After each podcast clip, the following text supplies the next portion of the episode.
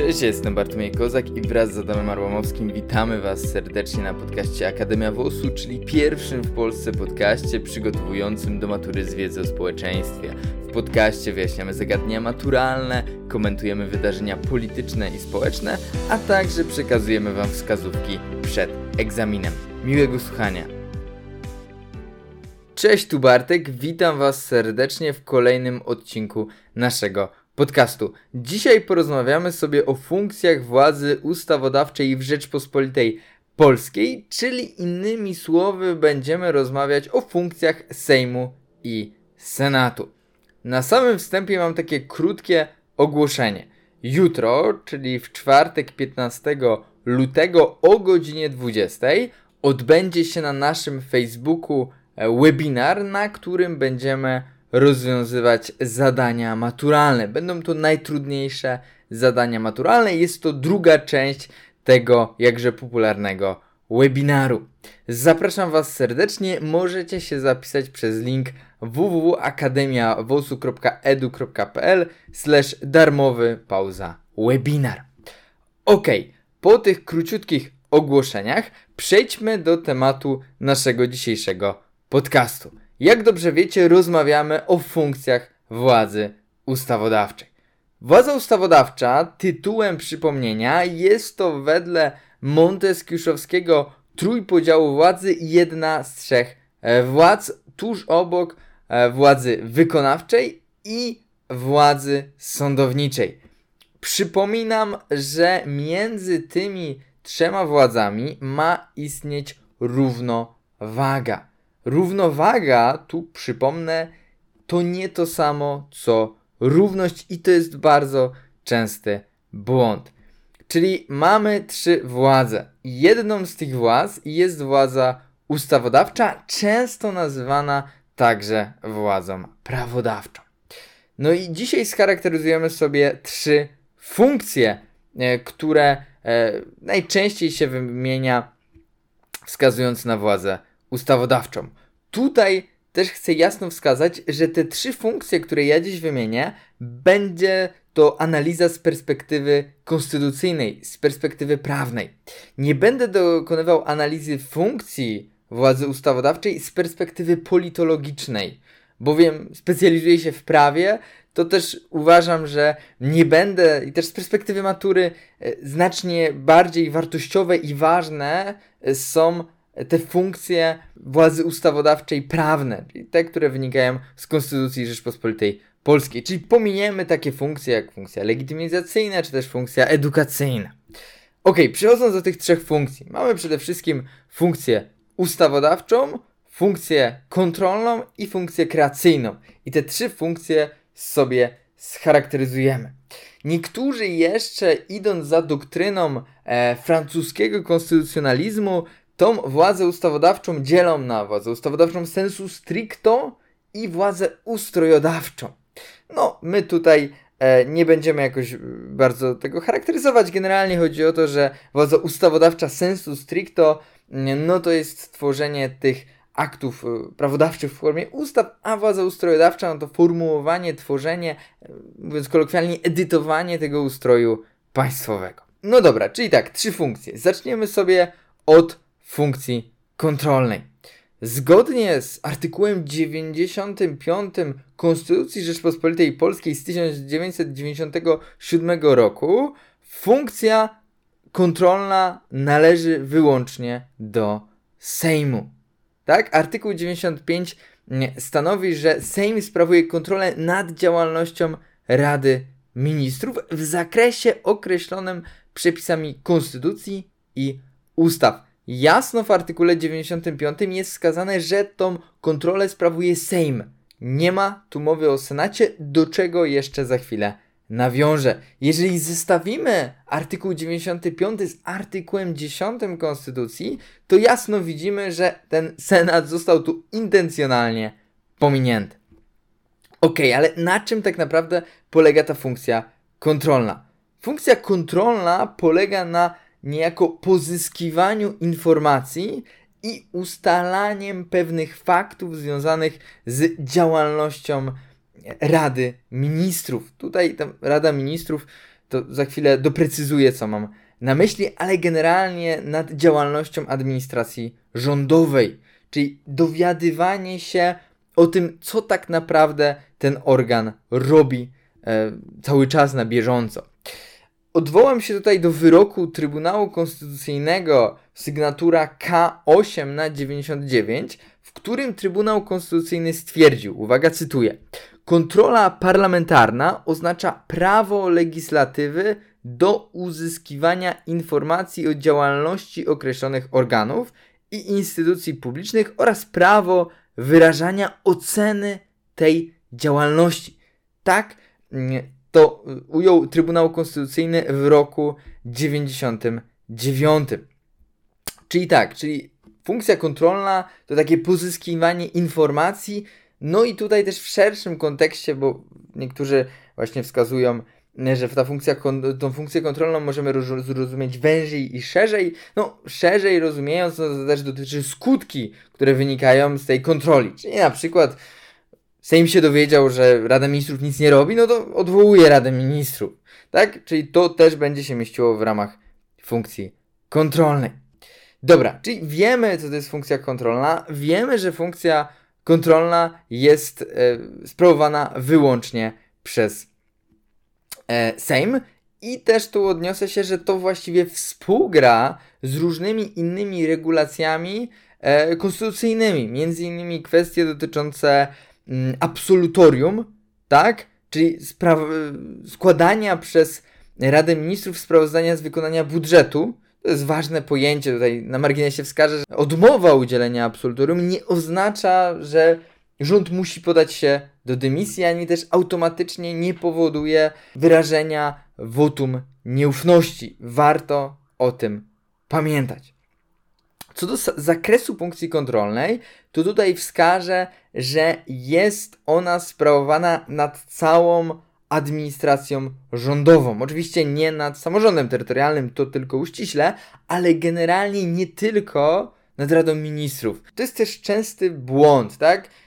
Niektórzy myślą, że tylko nad Radą Ministrów. No nie, ja tak zawsze określam Radę Ministrów jako czubek góry lodowej, jaką jest administracja rządowa. Więc ta funkcja kontrolna jest sprawowana nad całą administracją rządową. Teraz przechodząc do przykładów, warto wskazać między innymi, dajmy na to to już absolutorium, o którym żeśmy wspomnieli, dajmy na to kwestię e, interpelacji, zapytań poselskich, można też wskazać właśnie wotum nieufności, zarówno to wotum nieufności do, do całej Rady Ministrów, jak i do poszczególnych ministrów. Tutaj zwracam uwagę na różnice, które wynikają e, z tego indywidualnego, jak i solidarnego wotum nieufności. Odsyłam Was na lekcję na Akademii WOS-u.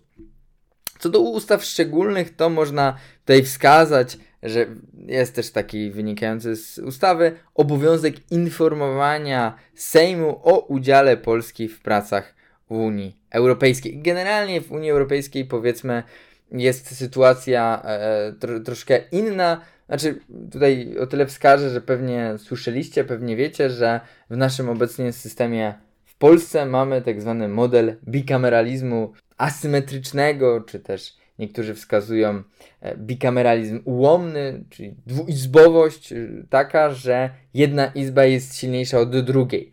No i rzeczywiście w stosunkach jakby wewnętrznych to, to, to generalnie tak jest, to się jak najbardziej zgadza, ale w kwestii kontaktów z Unią Europejską i uczestnictwa w Unii Europejskiej jest troszkę inaczej. To tylko, to tylko wzmiankuje, no ten temat nie jest na maturę z WOS-u, także nie będę tego rozszerzał. Dobra, czyli omówiliśmy sobie funkcję kontrolną.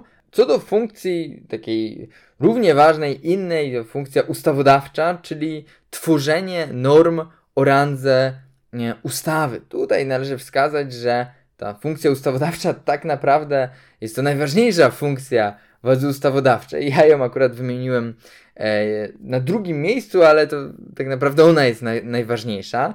Wymieniłem ją na drugim miejscu dlatego, bo funkcja kontrolna jest często źle rozumiana i dlatego chciałem na nią zwrócić szczególną uwagę.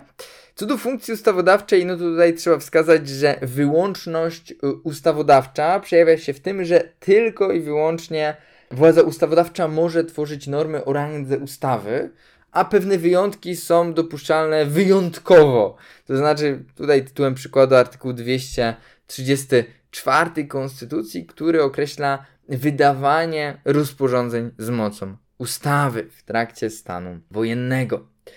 Warto także wskazać, że wszelkie inne normy, które są wydawane przez inne organy państwowe, muszą mieć charakter podustawowy. No bo jeżeli wyłączną funkcję ustawodawczą pełni władza ustawodawcza, więc ten, kto wydaje również jakieś akty prawodawcze, to muszą one mieć wyłącznie charakter podustawowy i rzeczywiście tak jest. Tutaj tytułem przykładu rozporządzenia, które rzeczywiście są wydawane przez pewne organy wymienione w Konstytucji. No dobra.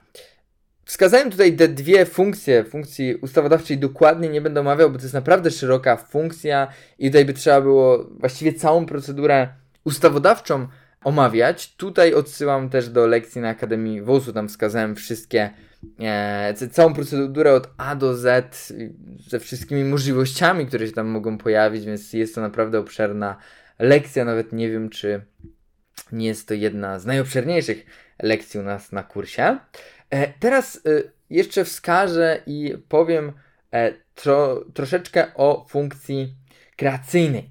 Funkcja kreacyjna nie została wprost w konstytucji uregulowana, to znaczy nie ma sformułowania, że funkcję kreacyjną pełni Sejm, tak? Jest tak w przypadku właśnie funkcji ustawodawczej i funkcji kontrolnej, ale w, w przypadku funkcji kreacyjnej nie jest to, nie jest ona wysłowiona wprost w konstytucji, ale jest implicite. Generalnie funkcja kreacyjna polega na powoływaniu piastunów pewnych organów władzy państwowej. Tytułem przykładu dajmy sytuację Sejmu, który w tak zwanej pierwszej procedurze rezerwowej, czy też innymi słowy w drugiej procedurze powoływania Rady Ministrów, nie będę tłumaczył o co tutaj dokładnie chodzi, e, Sejm w, tym, w tej procedurze wybiera prezesa Rady Ministrów oraz proponowanych przez niego członków Rady Ministrów. To jest przykład funkcji kreacyjnej Sejmu. Tutaj przypominam, wyłącznie w tej drugiej procedurze, czy też w pierwszej rezerwowej, zależy jak to nazywamy. Inny przykład funkcji kreacyjnej Sejmu, no to wybieranie sędziów Trybunału Konstytucyjnego. Przypomnę, że TK, Trybunał Konstytucyjny, składa się z 15 sędziów, którzy są wybierani przez Sejm w sposób indywidualny na 9 lat, czyli można powiedzieć, że z imienia i nazwiska wybieramy danego sędziego, a nie wybieramy ich w sposób kolektywny. Oni zgodnie z konstytucją muszą wyróżniać się wiedzą prawniczą, czy tak jest faktycznie w danym momencie, to możecie sami ocenić, ale konstytucyjnie powinno, powinno tak być. Ponowny wybór danego sędziego do Trybunału jest niedopuszczalny, czyli jest to 9-letnia kadencja, która trwa 9 lat i koniec, kropka, nie może trwać dłużej. Dobra, czyli to przykład kolejny funkcji kreacyjnej Sejmu.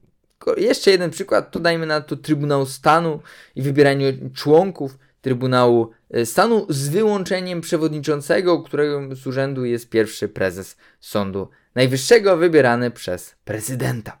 Czyli Trybunału Stanu, członkowie Trybunału Stanu, oni już są inaczej wybierani, nie w sposób indywidualny. Idźmy dalej. Prezes y, Najwyższej Izby Kontroli jest także powoływany przez Sejm. Tutaj jednak wchodzi jeszcze Senat, bo potrzebna jest zgoda Senatu. Sama kadencja prezesa NIK-u trwa 6 lat, a ponowny wybór jest dopuszczalny, ale tylko jeden raz. Kolejny organ to Rzecznik Praw Obywatelskich, także jest on powoływany przez Sejm i także tutaj konieczna jest zgoda Senatu, z tym, że kadencja tego organu trwa 5 lat. Warto także wskazać na Krajową Radę Radiofonii i Telewizji, gdzie mamy pięciu członków, dwóch jest wybieranych przez Sejm, dwóch przez prezydenta, a jeden przez Senat. Czyli tutaj widzimy też funkcja kreacyjna Senatu nam się pojawia.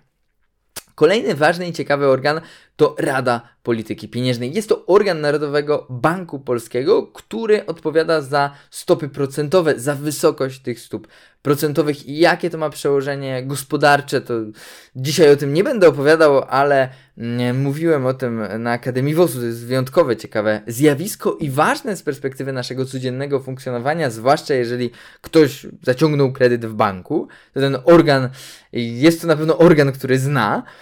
E, I w każdym razie Sejm tutaj wybiera trzech członków, e, Senat także trzech i prezydent także trzech, a tym, tym dziesiątym członkiem jest e, prezes NBP. A sam prezes NBP jest także wybierany przez Sejm. To, to, to, też warto wskazać, czyli można by powiedzieć, że czterech członków Rady Polityki Pieniężnej jest wybieranych przez Sejm. Co do KRS-u, no to czterech posłów z, pośród posłów wchodzi w skład KRS-u wybieranych przez Sejm.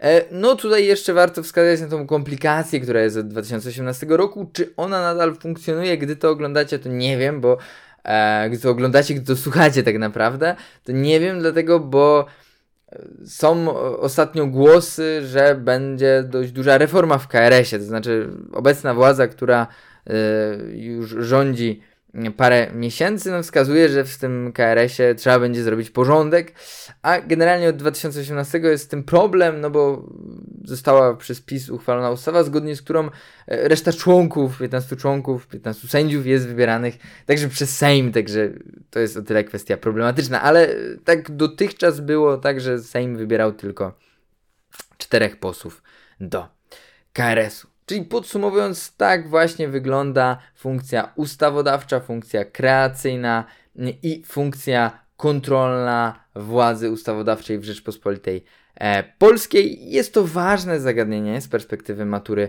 z WOS-u, ponieważ naprawdę lubią być o to e, pytania. Jeszcze raz zapraszam Was serdecznie na jutrzejszy webinar. Jeżeli nie udało Wam się odsłuchać tego webinaru, jeżeli już słuchacie to dawno, dawno po webinarze, to zachęcam, abyście odwiedzili naszego YouTube'a. Tam właśnie pojawi się nagranie z tego webinaru. Zapraszam Was także bardzo serdecznie na nasze kursy maturalne na stronę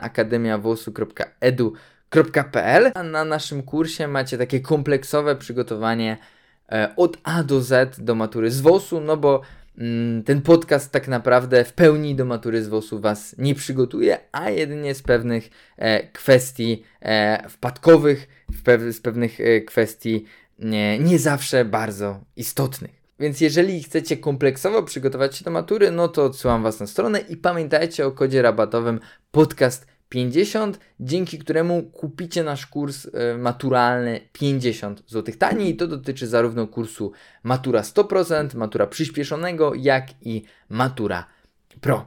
Dziękuję Wam bardzo serdecznie za wysłuchanie dzisiejszego odcinka i do zobaczenia na kolejnych odcinkach naszego podcastu.